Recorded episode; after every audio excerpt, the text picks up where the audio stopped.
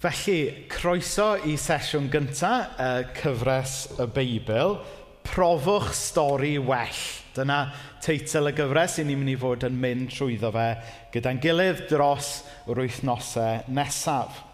Nawr, pan o'n i yn yr ysgol gynradd, um, oedd disgwyl i ni ddarllen stori neu llyfr bach bob wythnos. Oedden ni'n cael llyfr, um, chyfo Sally Mali neu rhywbeth, um, a wedyn pan ni bach yn hun, Rala Rwdins ac yn y blaen, i fyd adre gyda ni, a wedyn oedd disgwyl bydden ni yn darllen y stori yna yn ystod yr wythnos. A wedyn oedd yr athrawes, um, Mrs Thomas, yn rhoi taflen i ni fel gwaith catre. A'r unig beth oedd oedd ar y daflen yma oedd pedwar bocs. Un bocs le o'n i fod rhoi enwau y cymeriadau i lawr. A wedyn un bocs yn dweud be oedd yn digwydd ar y dechrau, bocs bydd yn digwydd yn y canol, a bocs bydd yn digwydd ar y diwedd. A hwnna oedd y fformat o'n i'n dilyn pob wythnos. Be sut oedd y stori yn dechrau, beth oedd yn y canol, a sut oedd y stori yn gorffen. A dyna yw patrwm pob stori dda, yn fe? Dechrau, canol a diwedd. Ond wedyn, Fi'n cofio pan o'n i bach yn hun wedyn, falle pan o'n i yn fy arddegau, dechrau uh, gwylio dramau teledu ac yn y blaen, a oedd hwn cyn Netflix, so chyfo, rhaid i chi watcho fo am nawr gloch no sil, neu pryd bynnag oedd ymlaen. Um, ac oedd rhaid chi aros wythnos gyfan cyn gwylio'r installment nesaf pryd hynny. Ond beth bynnag, a dwi'n cofio yn y cyfnod yna, oedd e'n eitha ffasiynol i gael diwedd trist i ddramau a stor storis. A o'n i jyst ddim yn gallu copo gyda hwnna. Chybod, i fi, holl bwynt stori yw cael stori sy'n gorffen yn obeithiol. Ond o'n i'n gallu copio efo y storis trist yn well na'r dramau oedd jyst yn gorffen yn hollol ben agored Nes o'ch chi ddim yn gwybod sut oedd y stori'n gorffen o gwbl. Pan oedd hwnna yn digwydd, o'n i ddim yn gallu copio efo hynny o gwbl. A dwi'n meddwl bod e'n mynd nôl um, i'r syniad yma bod pob stori dda fod cael dechrau, canol a diwedd. A bod y diwedd yna fod yn ddiwedd gobeithiol. A dwi'n meddwl, tas ni gyd yn onest, bod ni gyd heblaw falle am y cynics mwyaf sydd yma, um, wedi yn weirio i fod eisiau chwilio am stori fel yna. Stori sydd â canol, sydd â dechrau canol a diwedd gobeithiol. A dwi'n meddwl bod yna hiraeth naturiol ym mhob un ohono ni i fod yn rhan o ac i brofi stori yn dilyn y patrwm yna. A dwi'n meddwl fod yr hiraeth yna yn dod o'r ffaith yn bod ni wedi cael yn creu gan ddew sydd yn dewis cyfathrebu efo ni drwy stori fawr. A dyna i ni'n mynd i fod yn gwneud gyda'n gilydd dros yr wythnosau a'r misoedd nesaf. Sef mynd trwy y stori fawr yma gyda'n gilydd, dod i ddeall rhywbeth ynglyn â stori fawr dew, a drwy hynna gwneud synwyr o'n lle a'n stori ni yn hwnna. Nawr, un ffordd o ddeall y peth yw gweld fod y Beibl sydd yn cynorthwyo ni brofi stori well nag unrhyw stori arall, bod e chydig bach fel rhoi sbectol ymlaen. Nawr, um, mi ydw i yn short-sighted iawn. Um, heb, dwi'n gwisgo contact lenses bore yma, Um, ond heb sbectol neu contact lenses, dwi i bob pwrpas yn hollol ddall. Byddwn ni methu um, darllen y geiriau yma sydd ymlaen ni, byddwn ni methu wneud gwynebau ochr arall ystafell, a byddwn ni'n sicr methu darllen um, number plates sy'n pasio fi ar y lôn. Ond wedyn, pan dwi'n rhoi y contact lenses mlaen yn y bore neu pan dwi'n ystyn am y sbectol a roed yr uh, prescription sunglasses cool yma sgynna i mlaen uh, pan dwi'n gyrru'r car. Mae just perspective fi yn newid. Mae, mae popeth oedd yn blur cynt nawr yn dod yn glir. Mae popeth oedd o'n i'n gweld falle yn wan cynt nawr yn cael ei tynnu mewn i ffocws. A dwi yn meddwl fod y Beibl yn gweithio fel yna hefyd. Wrth i ni brofi pethau, wrth i ni fyw bywyd, mae gweld pethau trwy lens y Beibl fel petai yn helpu ni weld pethau am beth ydyn nhw, ac yn helpu ni weld pethau yn fwy clir. Meddyliwch am y peth fel hyn. Dydy credu yn y Beibl ddim yn golygu bod pethau drwg ddim yn digwydd i chi. Da chi'n gwybod mae pethau anodd yn digwydd i bob un ohono ni. Ond mae gwisgo lens y Beibl yn helpu ni wneud synwyr falle o'r pethau anodd a'r pethau drwg sydd dal yn digwydd yn y byd yma a dal yn digwydd yn ein bywydau ni. Mae pethau da yn digwydd i bob un ohono ni. A mae edrych ar y pethau da drwy lens y Beibl yn helpu ni weld Fod yna ddiw da, fod yna ddiw yn bendithio o'n cwmpas ni. Hynny yw, mae'r Beibl yn gallu gweithio fel contact lenses neu fel sbectol yn helpu ni weld yn bywyd am byd o'n cwmpas wedi dynnu mewn i ffocws a gweld pethau am beth i nhw go iawn. A dyna byddwn ni yn gwneud gyda'n gilydd dros yr wythnosau a'r misoedd nesaf. Um, Ond bore yma, i ni jyst mynd i edrych ar y Beibl i hun a gofyn, wel, os ni'n mynd i fod yn dadbacio'r stori fawr yma, wel, beth yn union ydy y Beibl yma?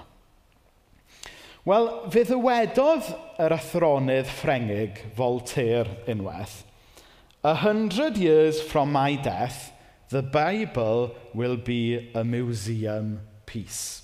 Dyna wedodd Voltaire. Ond allai fel Tyr ddim bod yn fwy anghywir.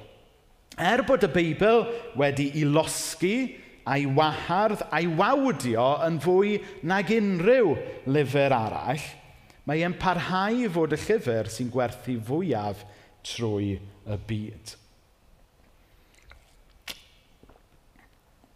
pan gafodd um, y cyfeithiad yma o'r Beibl, hwn yw'r cyfeithiad mwyaf diweddar sydd gyda ni'n Gymraeg, Beibl.net, pan gath hwn i'n gyhoeddi yn 2015, nath e werthu allan cyn bod e hyd yn oed yn mynd i'r argraffwyr. Yn 2015. Mae rhaid y flwyddyn yna, mae dyma oedd y llyfr Cymraeg nath werthu fwyaf. Wedyn, mae modd wneud y ddadl heblaw bod y Beibl gyda ni yn y Gymraeg, yna byddai'r Gymraeg ddim wedi dal i thir cystal i gymharu â rhai ieithoedd lleiafrifol eraill. Gath ddim y Beibl wedi i gyfieithu mor gynnar i'w iaith nhw. Felly, y pwynt dwi'n siarad wneud ydy, Pinnau ydych chi'n credu y Beibl neu beidio, dyma yw y llyfr mwyaf dylanwadol yn y byd, a hyd yn oed yn y Gymru fodern eitha seciwlar da ni'n byw ynddo fe. Mae'r Beibl yn parhau i fod yn destun trafod, yn rhywbeth mae pobl yn credu, yn rhywbeth mae pobl yn reslo dros fe. Mae e'n parhau i fod yn ganolog i ddiwylliant ac i wareiddiad. Ond beth yn union ydy'r Beibl? Wel, ystyr y gair Beibl um, ydy bi Biblia. Mae'n dod o'r gair Biblia, gair groeg. A mae'r gair ysgrythyr yn dod o'r gair sgriptiwra, sy'n golygu ysgrythurau. Hynny yw, sylwch ar y plural fan hyn. Um, hynny yw, os ydych chi'n gochwn y jargon crefyddol, beth ydy, beth mae Beibl yn golygu, ydy casgliad neu llyfrgell o lyfrau. Hynny yw, lot o lyfrau. A dyna yw'r peth pwysig cynta i ni ddeall wrth ofyn beth ydy'r Beibl. Controversially, nid llyfr yw'r Beibl, ond yn hytrach casgliad o lot o lyfrau bach. Um, meddyliwch am y peth, tasach chi'n mynd mewn i, i siop lyfrau, neu tasach chi'n mynd mewn i lyfrgell, byddwch chi'n ffeindio fod y llyfrau i gyd wedi cael eu trefnu yn ôl genre neu wedi cael eu trefnu uh, yn gronolegol yn ôl trefn amser. A dyna mewn ffordd ydy'r Beibl. Mae'r Beibl yn gasgliad o lot o lyfrau gwahanol, yn perthyn i gyfnodau gwahanol ac yn perthyn i genres gwahanol. A gyda'i gilydd, trwy dros yr hanes yma'n defnyddio yr gwahanol mathau ymolynyddiaeth, Mae e'n adrodd stori fawr dew a hefyd yn stori fawr ni. Felly mae'n bwysig i ni gofio fod y Beibl wedi cael ei ysgrifennu gan awduron gwahanol dros amser maith uh, o amser. Ac oherwydd hynny, mae'n bwysig bod ni hefyd yn deall bod angen i ni ddehongli rhywfaint ar y Beibl er mwyn gweld be mae Dyw yn gallu siarad mewn i'n bywydau a'n profiadau ni heddiw. A mae hwnna oherwydd fod gwahanol eiriau yn newid i ystyr o un oes i'r llall. Nawr, rai blynyddoedd yn ôl, dwi'n cofio y mrawd i yn dod adre uh, rhyw nadolig, mae'n siŵr, o'r brifysgol. Ac um, gofyn i fi os o'n i wedi clywed sengl newydd rhyw fand – oherwydd bod e'n hollol sic. A ni'n meddwl, sic? Wel, os, yw'r, os yw sic, pam bydde fi eisiau gwrando arno fe? Ond wrth gwrs, yn y cyfnod yna, dwi'n yn siŵr os ydyn nhw'n neud o hyd, yn y cyfnod yna, oedd i bobl ifanc, oedd sic yn golygu cool. Oeddech chi'n gwybod hynna? Ac A mae'r stori yna jyst yn darlunio, dydy, sut mae, mae ystyr gair yn gallu golygu rhywbeth gwahanol o oes i oes ac o ddiwylliant ac o genhedlaeth i genhedlaeth. Roi un enghraifft i chi o'r Beibl i hun. Yn em Rhyfeiniad 16, adnod 16, mae Paul yn dweud wrth y Cresnogion i anerch y naill a'r llall a chusan sanctaidd. Nawr, wrth gwrs, nid ystyr llythrenol hynna yw bod rhaid i Grisnogion ym mhob oes gyfarch i gilydd a cysan. Hynny yw, tasech chi wedi cyrraedd yma bore yma am o di wrth y drws yn mynnu rhyw gofleidiad a rhyw gusan mawr gyda pawb ar y ffordd mewn, yna byddwch chi'n meddwl bod fi wedi cael rhyw ffynnu turn. Hynny yw, da ni ar y gorau fel Cymru syber yn rhoi rhyw nod bore da neu, neu rhyw siglo llaw cadarn, chyfod. Dyna, dyna sut da ni yn cyfarch yn gilydd. Ond wrth gwrs, mewn rhai diwylliannau, um, chi'n meddwl am y Ffrancwyr yn arbennig falle. Yna, wel, chi'n ddim yn unig chi'n cael cysan, chi'n cael dau neu dri cysan ar bob boch, yn dyfa. Hynny yw, pwynt yr adnod yma gan Pôl yw os ydy ni o ddifri ynglyn â'n ffydd fel Cresnogion, mi fyddwn ni'n cyfarch yn cyd Gresnogion fel tasau ni eisiau nhw wybod bod nhw'n werthfawr a bod ni yn eu caru nhw. Nawr mi ydyn ni jyst yn siglo llaw i ddangos hynny. Ond mae diwyllian eraill yn cyfarch drwy gysan. Hynny yw, y pwynt ydy, nid yr er Nid y sut mae'n digwydd sy'n bwysig yn yr adnod yna, ond er yr egwyddor tu ôl iddo fe. A dyna pam, yn y cyfeithiad mwyaf diweddar sydd gyda ni yn y Gymraeg, mae'r ma adnod yna wedi cael ei gyfieithu mewn i cyfarchwch eich cyd-grisnogion yn llawn cariad. Mae e jyst i dropio reference i cysanu. Ac mae wedi dropio reference i cysanu, nid achos bod e wedi um, cymryd rhywbeth i ffwrdd o'r Beibl, Ond yn hytrach bod y cyfeithiad yna yn helpu ni ddeall y Beibl yn well o'r cyd-destun gwreiddiol er mwyn gweld beth mae e'n dysgu i ni heddiw. So, wrth bod ni dros yr wythnosau nesaf mynd i fod yn edrych ar y Beibl, mae'n bwysig bod ni'n cadw mewn cof bod hwn yn lyfr sydd wedi sgwennu dros amser hir, genres gwahanol, ac felly bod rhaid i ni gyda help Dyw i ddehongli fe ym mwyn gweld beth mae fe'n dysgu i ni heddiw. So gair pellach ynglyn â'r genres gwahanol sydd yn y Beibl. Nawr, mae'r Beibl wedi cael ei rannu mewn i lot o lyfrau gwahanol. Mae gyda chi rhai llyfrau hanes, Rhai llyfrau barddonol, rhai llyfrau um, yn rhannu rheolau a deddfau, um, a rhai um, llythyrau, rhai llyfrau proffidolaethau, pob math o genres gwahanol yn y Beibl. Nawr, mae rhaid i chi ddarllen genres gwahanol mewn ffordd wahanol er mwyn cael y gorau allan ohonyn nhw. So meddyliwch am y peth fel hyn nawr. Dychmygwch nawr bod eich car chi wedi torri lawr. A bod chi'n penderfynu, chybod, sa'n sa eisiau mynd i'r garage a gwario am rhes i gyd fyna, dwi'n mynd i brynu llyfr i drwsio fe fy hun. So na ni, chi'n mynd i'r dre, chi'n mynd i'r siop lyfrau, um, a falle bod chi yn um, Alle bod eich eich gwraig neu'ch gŵr neu'ch ffrind yn meddwl, wel, mae, mae siŵr o fod yn mynd i Halfords i brynu, chybod Haynes Manual ynglyn â sut mae newid yr olew ar y car neu rhywbeth. Ond wedyn, chi'n dod nôl o'r dre, falle gyda hunan gofiant Lewis Hamilton, sy'n yrwr uh, rasio gyda llaw i chi sydd ddim yn gwybod.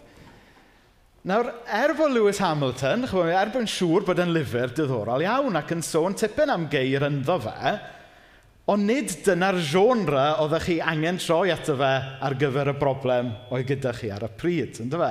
Chwbw, tasach chi'n agor chwbw, bonet y car fyna, chyfo gyda hunan gofiant Lewis Hamilton mewn un llaw a, a spanner yn y llaw arall, byddwch chi ddim yn mynd yn bell iawn. Neu, neu meddyliwch nawr, tasach chi yn mynd ffwr ar eich gwyliau a bod chi eisiau mynd â llyfr gyda chi i ymlacio ac ynwaindio a bod chi'n mynd ar gwyddoniadau'r Cymreig gyda chi yn hytrach na nofel, dweud. Hynny yw, mae yna genres gwahanol ar gyfer gwahanol bwrpasau.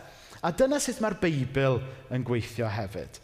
Mae yna gwahanol lyfrau yn y Beibl um, ar gyfer pwrpasau gwahanol ac angen cael ei darllen mewn ffordd sydd yn llenyddol addas i'r genre yna.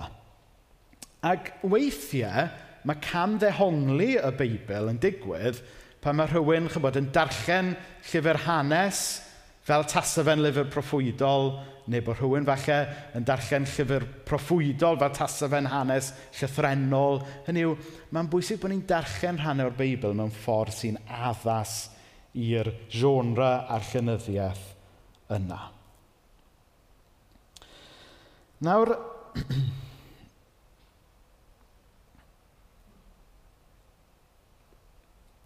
Nawr, dwi wedi pwysleisio hyd yma mai casgliad o lyfrau gwahanol sy'n perthyn i gyfnodau gwahanol a genres gwahanol yw y Beibl.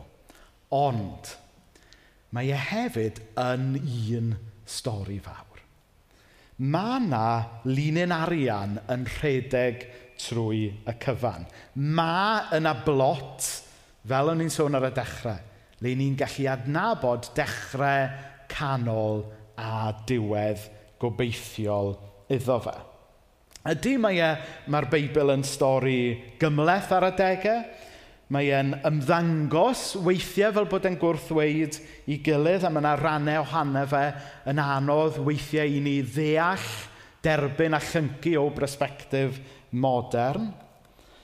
Ond dwi'n meddwl bod y ffaith fod y Beibl, chybod, yn gymleth, weithiau'n astrus a weithiau yn bigog o amgylch yr ymylon, bod hwnna mewn gwirionedd yn dangos bod e yn wir. Mae yna rhai pobl yn dweud mai, mai fabrication gan yr eglwys dros y canrifoedd ydy'r Beibl.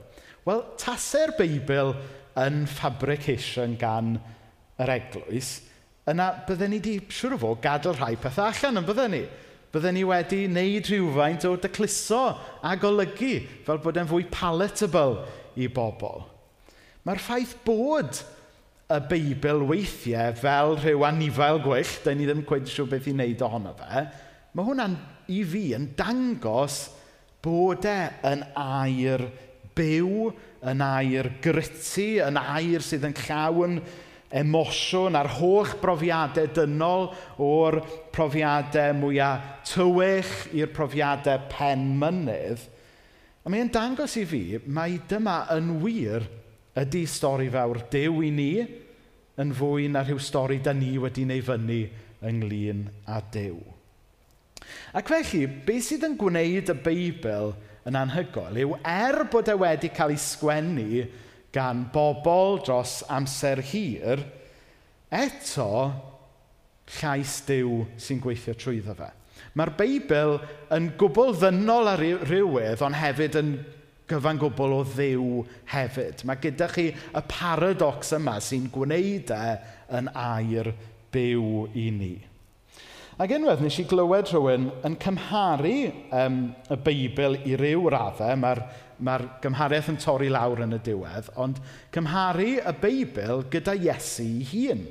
Yn yr un ffordd a mae Iesu yn gyfan gwbl dduw ac yn gyfan gwbl ddyn, heb bod y ddau yn tynnu ffwrdd o'r llall, yna mae'r un peth yn gallu bod yn wir am y Beibl. Mae holl brofiadau ag ing a profiadau dynol yna, ond mae e hefyd yn air dew, heb bod un yn tynnu ffwrdd o'r llall. Ac felly, dros yr wythnosau nesaf, byddwn ni yn mynd trwy y stori fawr yma. So yn y sesiwn nesa, byddwn ni'n edrych ar gwreiddiau ac yn gofyn beth yw ystyr bywyd. Yn y sesiwn yma, byddwn ni yn fframio y stori fawr. Bydd hwn yn sesiwn fydd yn helpu ni wneud synwyr um, o beth sydd tu ôl popeth, gan gynnwys gofyn beth sydd wedi mynd yn anghywir, sut i ni'n gallu esbonio a gwneud synwyr o'n bywydau a'r byd toredig da ni'n byw ynddo fe. Dyma fydd y sesiwn lle fyddwn ni'n edrych o ble da ni wedi dod a pam bod ni yma. Wedyn byddwn ni'n mynd mlaen i edrych ar Exodus a trafod sut fedrwn ni gael rhyddid.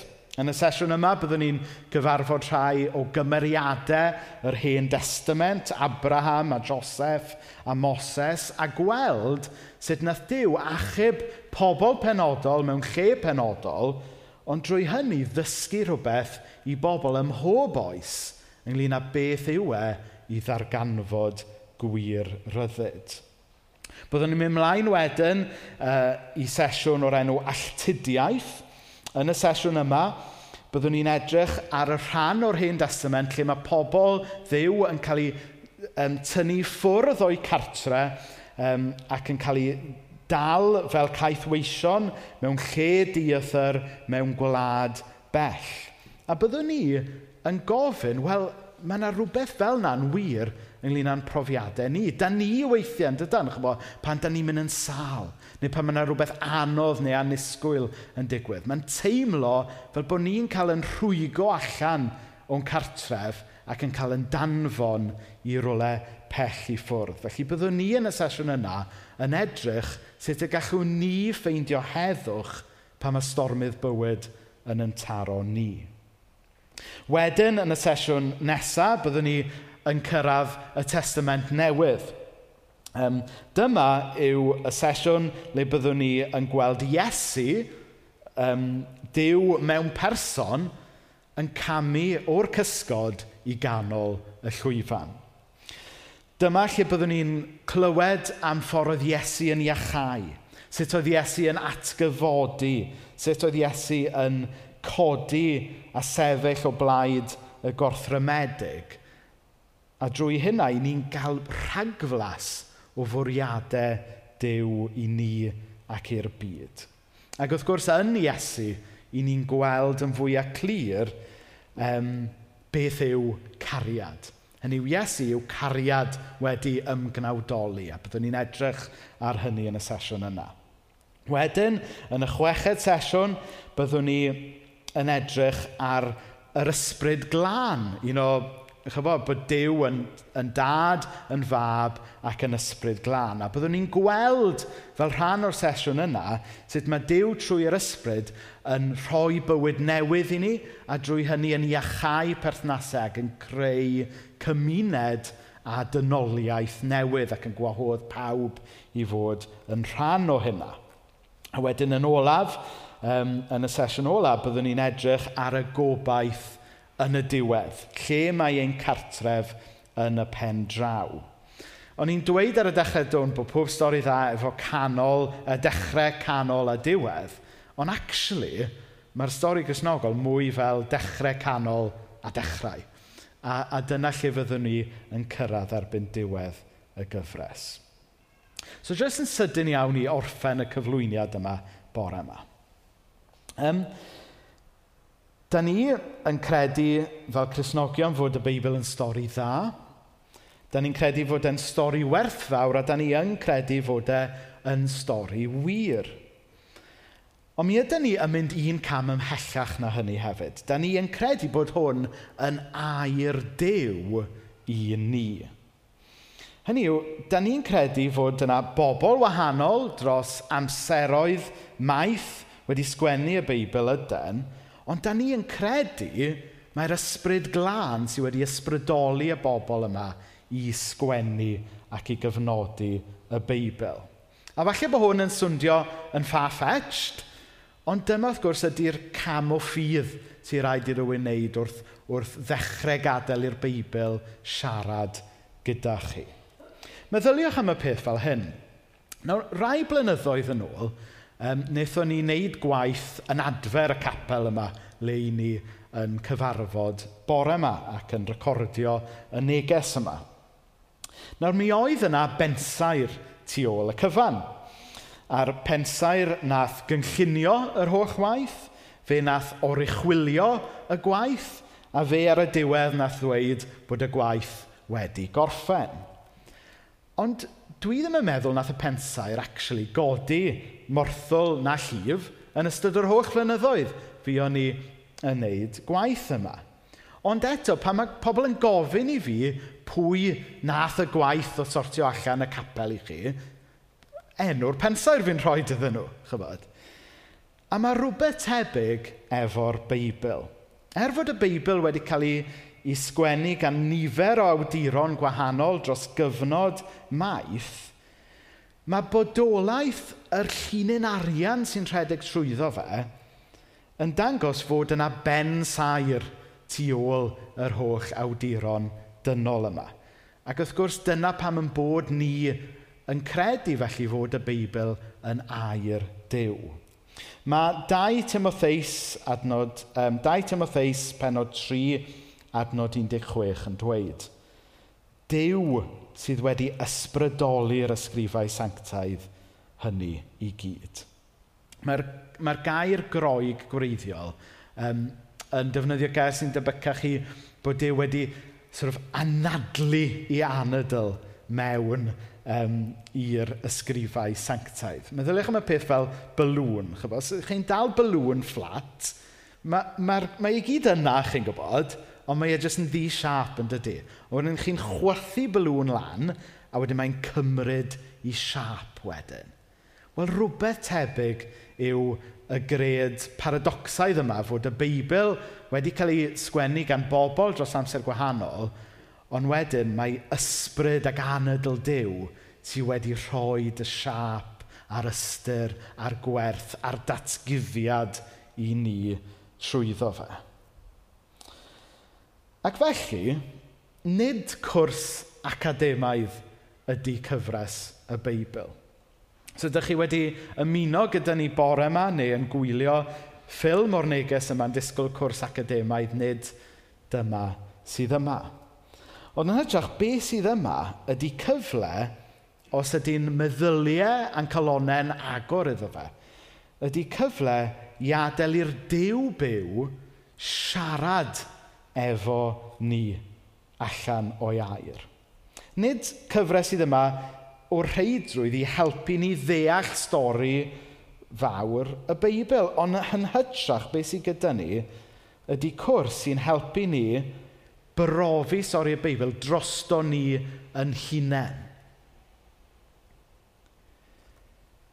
Felly, da ni jyst mynd i orffen y sesiwn gyntaf yma bore yma drwy weddi. So gai wahodd pawb i blygu pen a newn ni cyflwyno'n hunain i ddew ar ddechrau y tymor. Anwyl dad,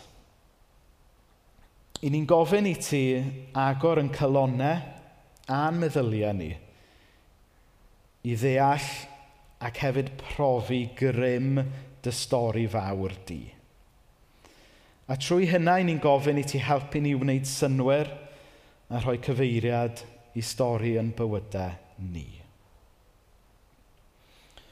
O ddiw dad, i ni'n gofyn i ti helpu ni wneud synwyr o stormydd bywyd ac edrych tuag at y gobaith sydd yn carlamu ato ni allan o'r stori arbennig yma efo Iesu fel prif gymeriad.